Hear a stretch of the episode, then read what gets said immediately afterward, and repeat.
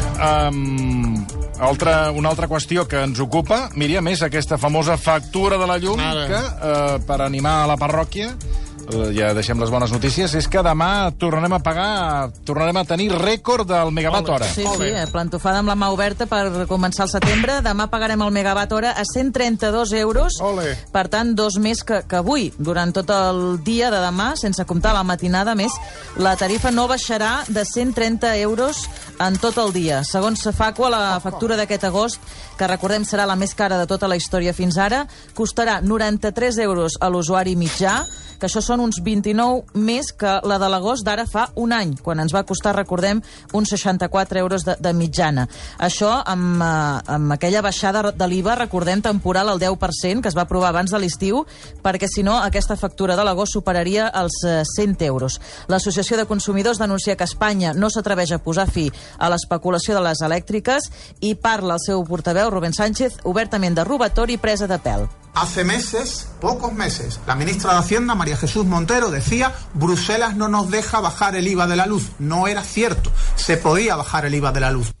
I recorden que en països com França el govern fa anys que va reduir el pes de l'energia nuclear de la subhasta diària del mercat que fixen les elèctriques. Una de les propostes eh, que ha generat moltíssima polèmica, ja ho escoltàvem, és la que va fer Pablo Iglesias per eh, solucionar l'encariment de, de la llum. Era allò que ahir posàvem al document quan eh, Felipe González va arribar al poder, que una de les propostes era...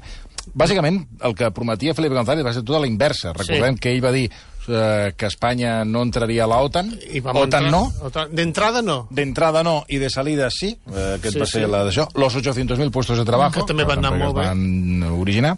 I va dir que nacionalitzaria la blanca i les elèctriques, Sí, sí, que ahir, d'ahir recordàvem aquell famós document que a Ràdio Nacio eh, Televisió Espanyola un periodista doncs, confirmava que no, que no es nacionalitzarien les elèctriques. Doncs bé, de nacionalitzar les elèctriques ha repescat aquesta possibilitat fa no massa Pablo Iglesias, concretament als Salvados del gener 2021. Pero ahora que está en el gobierno, ¿cree que se puede nacionalizar una empresa eléctrica? Pero por supuesto que se puede nacionalizar. Hace falta solo voluntad política. Es perfectamente legal en el marco de la Constitución. Claro, perfectamente legal. Otra cosa es que después, si lo haces, todos los medios de comunicación, propiedad de las grandes empresas, independientes todos, digan que eso es una barbaridad. Pero claro que se hace. De hecho, ¿tú no te acuerdas que un partido que gobernaba en España, Partido Popular, nacionalizó un banco?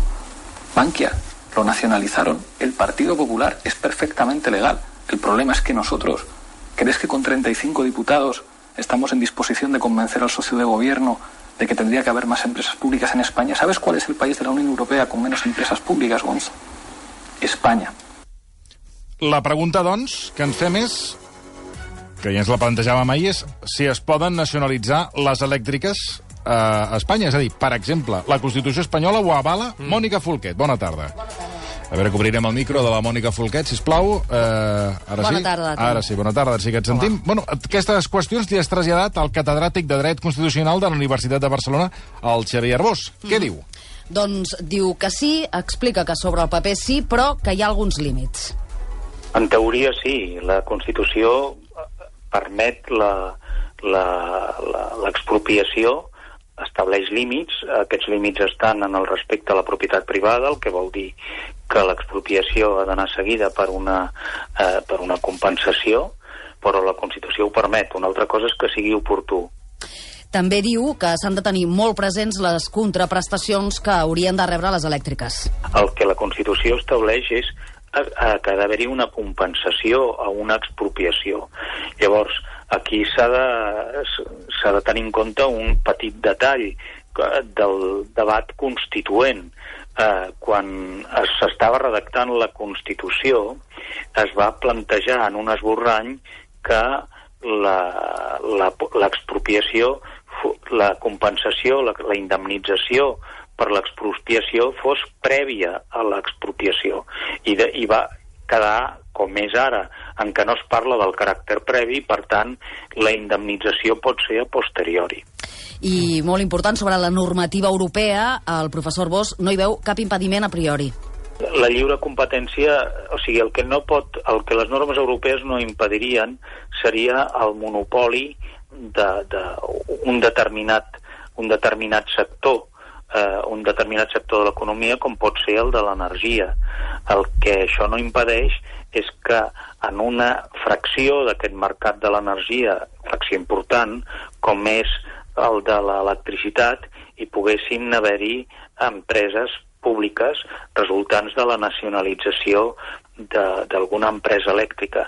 És a dir, hem de distingir el que és la propietat pública d'alguna empresa del que és el lliure mercat. El que és el límit, i no només de la Unió Europea, sinó també de la Constitució, és que pugui haver-hi un lliure mercat. I en el cas de les empreses d'energia, evidentment aquest seria un, un debat, sens dubte, però eh, mentre hi hagués la possibilitat de la competència, és a dir, que una empresa pública o privada eh, espanyola o estrangera pogués intentar eh, accedir al mercat subministrant energia elèctrica, això no seria contradictori amb el fet que pogués haver-hi una empresa pública elèctrica nacionalitzada. Per tant, nacionalitzar elèctriques tècnicament és possible, però hi ha altres propostes damunt la taula, com la creació d'empreses públiques de generació d'energia, i de fet el professor Bosch diu que és perfectament viable des del punt de vista legal. Sí, sí, efectivament, com si un ajuntament vol crear la seva pròpia empresa elèctrica, la seva pròpia companyia. Això és perfectament possible, no hi ha problema al respecte. O sigui, eh, la qüestió és que no s'estranguli la possibilitat de que hi hagi una competència, de que puguin haver-hi haver, altres actors econòmics eh, que vulguin subministrar energia elèctrica, però no impedeix que hi hagin empreses elèctriques que puguin ser nacionalitzades d'una banda o que es puguin crear empreses públiques eh, que ofereixin electricitat i posats a analitzar les possibilitats legals de què disposa el govern espanyol per frenar aquesta escalada del preu de la llum, li hem demanat al professor Bosch si és legal posar topalls al preu de l'electricitat. Jo crec que això, això seria, seria teòricament possible eh, que, perquè significaria una intervenció, és a dir, no es tracta tant de privar de la propietat als accionistes de l'empresa elèctrica com intervenir amb alguns, amb alguns, eh, amb alguns instruments, amb alguns mitjans. El que passa que si això es fa de manera imperativa per a totes les eh, empreses elèctriques, eh, probablement això distorsionaria el funcionament del lliure mercat que ve protegit per les normes europees. Amb això no vull estar dient que no sigui una bona idea. Eh, crec, però, que hi ha límits, sobretot, a la normativa europea al respecte. Per tant, Toni, alternatives legals n'hi ha, ara potser caldria aclarir quines serien les més efectives. Doncs li preguntarem a un dels, eh, en fi, una de les veus amb més llum Mm, ho dic clarivident, perquè eh. quan parles amb ell t'aclareixen les coses. Gràcies, Mònica Folquet. És en Salvador Salat, enginyer industrial i consultor energètic. Eh, una vegada més el tornem a molestar i sempre és la mateixa Una conversa. paciència, pobre home. Sí, sí. Senyor Salat, bona tarda. Molt bona tarda a tothom. I una vegada més, eh, moltíssimes, moltíssimes gràcies perquè és dels, que, és dels que parla clar i català com ho feia fa un moment Xavier Arbós. Jo li pregunto veure, primer... Eh, no, no. Eh, jo li pregunto sobre el que deia el professor Arbós eh, parlava de que, tal com apuntava Pablo Iglesias, que la, la nacionalització eh, de les elèctriques, eh, la Constitució està establerta, tot i que després hi hauria de venir una indemnització, que com, com ho pagues tot això? Bé, la pregunta és, serviria per abaixar el preu de la llum, que és l'objectiu eh, que estem buscant, abaixar el preu de la llum, la nacionalització de les elèctriques? Correcte, la resposta l'ha donat vostè fa 20 minuts, quan hem parlat de la, dels peatges. Què passa amb l'autopista eh, que, que, que, ara aixecarem els peatges? Doncs que s'han d'indemnitzar perquè no han recuperat prou diners. És a dir, en el cas d'haver-hi una nacionalització s'haurien de pagar eh, els costos d'allò que es nacionalitza i els beneficis que han deixat de tenir. De manera que hauríem d'avançar els diners i si nosaltres volem rebaixar costos, perquè suposadament ells fan molts beneficis, que els haurien de pagar abans els beneficis, el resultat d'una nacionalització seria que tindríem exactament els mateixos costos perquè, d'acord la Constitució, els haurien de pagar aquests beneficis. Per tant, nacionalitzar les elèctriques no ens portaria enlloc. Segon... Portaria un merder, eh? però no ens portaria a baixar el preu. Segona opció, crear una empresa pública, també en parlàvem amb el professor Xavier Arbós, eh, altres països europeus com França, Holanda, Suècia o Itàlia tenen empreses elèctriques amb participació pública, és a dir, fan empreses mixtes. Aquesta seria una bona solució? O... I, I és més, com funciona aquest model i com la veu vostè? Aquí ja li haig de fer una, una segona pregunta. Fem una mica de memòria. L'any 96, quan tot això del lliure mercat elèctric, és a dir, diuen si circulen les persones i circulen les mercaderies, l'energia elèctrica també ha de circular, l'any 96 la Unió Europea diu eh, les, perquè això pugui ser possible ha de ser un mercat lliure en lliure competència. I, per tant, s'han de separar quatre tipus de companyies elèctriques. La primera, la que fa energia, els generadors. La segona, la que la transporta a gran distància. La tercera és la que la transporta petiteta i ens la porta a casa. I la quarta és la comercialització. Doncs bé, el que va dir la Unió Europea en aquell moment, que és el que deia el catedràtic Gos, és que la generació és un lliure mercat totalment obert. El que vulgui generar, el, el seu risc i ventura pot fer-ho, a veure què se'n surt. I també diu que la comercialització, el seu risc i ventura, també és una activitat que es pot fer i qualsevol la pot fer. Ara bé, els dos del mig, el transport i la distribució, eh, com que no té sentit si ja passa un cable passar-ne dos, perquè no hi guanyem res com a comunitat, eh, doncs el que ja tenia el cable abans de l'any 96 pues, s'ha endut el gat a l'aigua i mm, pot gaudir d'una cosa que en diuen monopoli natural. De manera que el transport només el pot fer Red Elèctrica d'Espanya, empresa cotitzada a la borsa, i que per tant no té res de pública. Això sí, els càrrecs directius són majoritàriament per acord polític, no dic per designació política, però per acord polític, i les, les, les distribuïdores. Llavors, quan vostè em fa la pregunta, jo li haig de dir, molt bé, si vol fer una empresa pública, quina de les quatre formes d'aquestes empreses públiques vol fer pública? No sé, vostè l'expert, jo, què em pregunta? Jo no, no ho sé. Jo, home, jo, jo l'únic que li pregunto és com baixar la... La, la que ens roba... Fem exemples. No, Sí, jo, jo, jo, jo busco la, la, la manera perquè la factura no tingui aquests Correcte, preus. correcte. No? Com seria la, la fórmula correcta? Fem, fem exemples. D'aquestes quatre hem dit que les del mig són monopolis naturals. Sí. Si ens els hem de quedar, s'han d'expropiar, tornem a les mateixes, hem de pagar eh, el gust i les ganes, no hi guanyaríem pràcticament res. Llavors tenim la generació o la comercialització. Anem a la comercialització. Agafar energia i vendre-la. Uh, és una activitat en mercat, com ha dit el, el catedràtic, es pot exercir, una empresa pública podria exercir-la.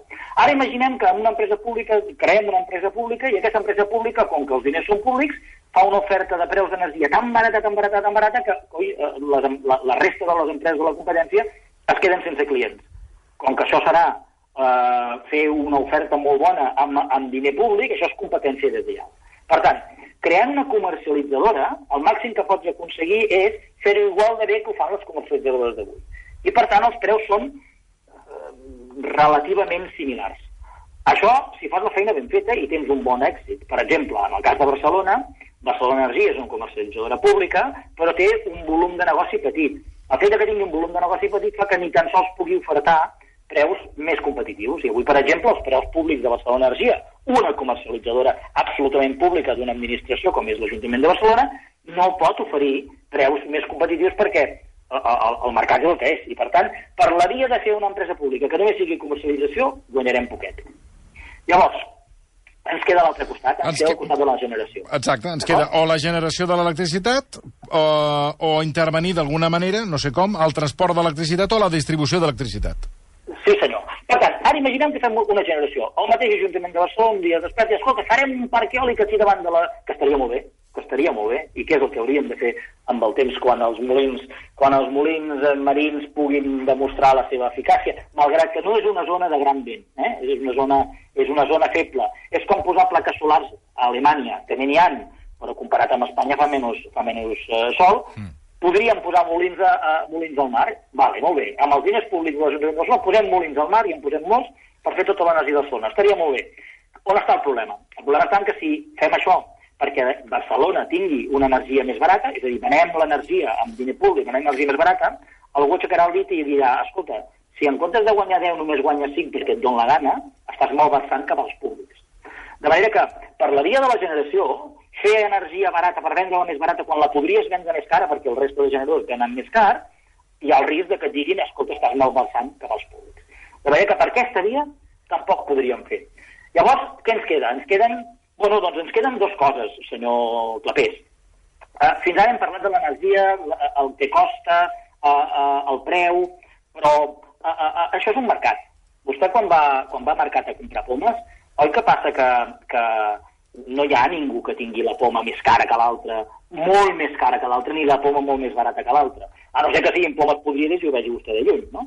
Per tant, més o menys els mercats, els preus es busquen. És més, la parada més, més gran normalment tothom imita la parada més gran. D'acord? És a dir, hi ha una referència. A Espanya passa això. El, les comercialitzadores venen l'energia amb una referència. Quina és aquesta referència? Doncs el que va fer el govern espanyol quan va crear el lliure mercat va dir hi ha un refugi pels que no vulguin fer aquest enrenou de contractar l'energia, que és la comercialització d'últim recurs. I aquesta tarifa és una referència. Una referència. Si tu no fas res, el, el senyor que et porta l'energia a casa es diu comercialitzadora d'últim recurs i te la porta a un preu. Aquest preu avui la referència per mercat que preu avui és el mercat aquest que, que, que, que, que salta i que avui és car, demà és barat, o ara és molt car i, i cada dia estem mm. això. Doncs hi ha una solució molt senzilla que compleix perfectament amb tota la legislació europea, que és dir, escolti, aquestes comercialitzadores no, van, no han d'anar comprant energia cada dia i a veure què passa amb el dia. No. Agafem que les nuclears i les hidràuliques no puguin vendre l'energia en el mercat i tinguin l'obligació de vendre l'energia a llarg termini, amb un preu fix a les comercialitzadores recurs. I que, com a mínim, per exemple, dos terços de l'energia d'aquestes comercialitzadores sigui d'aquesta manera. Només un terç, només un terç, ens la jugarem a aquestes pujades i baixades. Amb això sol, que no, que no infringeix cap legislació europea, amb això sol baixaríem els preus, és a dir, no baixaríem els preus, tornaríem als preus que teníem com a mínim fa sis mesos, però sobretot, sobretot, sobretot, no tindríem aquests ensurts de que de sobte ens pugés l'energia d'una manera eh, desaforada. Eh? I aquesta és una mesura que la ministra és valenta, jo li reconec el, el valor, però li costa arrossegar el seu govern. Aquesta és una mesura que el govern podria, el govern espanyol podria adoptar sense que ningú li, li digués res. De fet, a Europa funcionen així. La majoria de les comercialitzadores compren l'energia a llarg termini, la referència no està lligada a aquest preu que fluctua tant, i per tant, malgrat que si vostè mira el mapa tot arreu els preus són molt alts, l'energia quan la venen en tenen molta de comprada a llarg termini i només els hi puja un bocí. Per tant, no repercuteix sobre la gent el 100% d'aquesta pujada. Per tant, vostè aquí, eh, després d'escoltar, que ahir vam, vam estar escoltant a la ministra de Transició Ecològica, Teresa Rivera, que vam estar aquí, eh, bueno, al final vam llançar la tovallola perquè també, mm. eh, entre el que deia i la, el so que ens arribava, tampoc vam acabar d'aclarir res, eh, aquí potser el govern, aquest govern d'esquerres peca de, un del, de, covardia, no? de no atrevir-se a posar en marxa el que vostè està posant sobre la taula.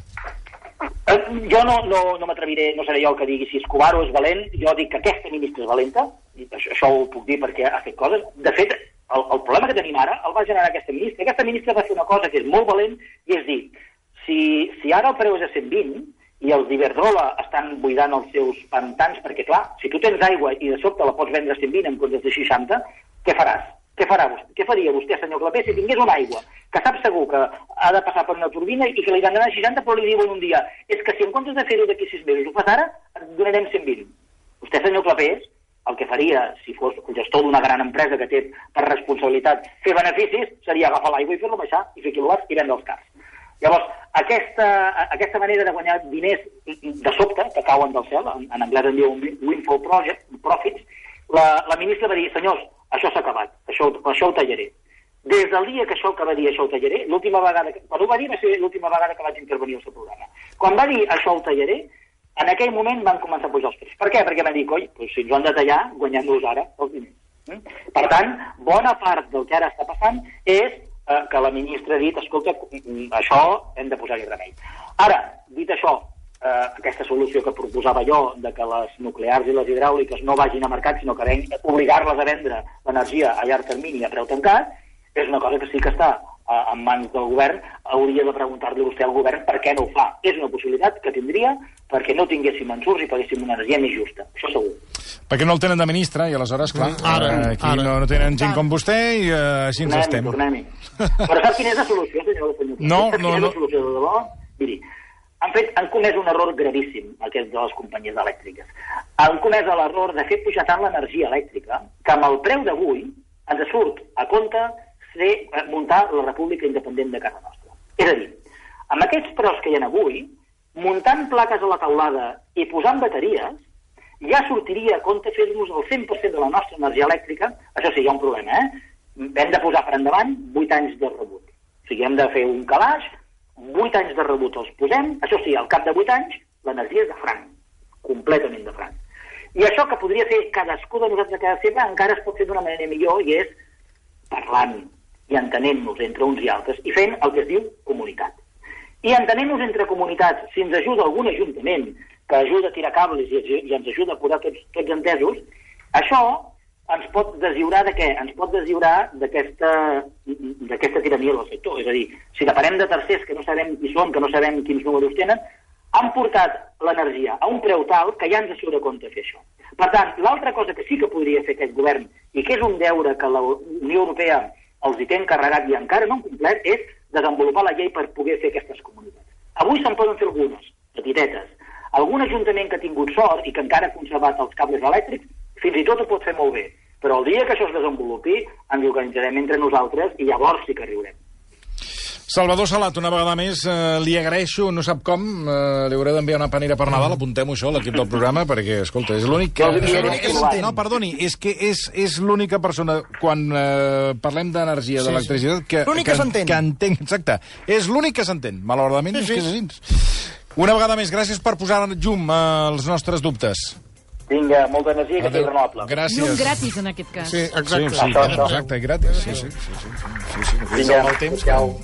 Gràcies, uh, adéu-siau, adéu-siau, i bona rentré, que el Salvador Salat uh, ara serà també la, la rentré. Ah. Bé, deixeu-me fer una pausa de dos minuts perquè la Vane ha de tornar a la roca Ay, sí, por favor, que me he quedado, Tenemos que ir. me, me- me he quedado pendiente de comprar los calcetines. i ens espera Marc Bala a veure amb el temps que queda què és el que podem fer. Ara ho, ara ho discutim.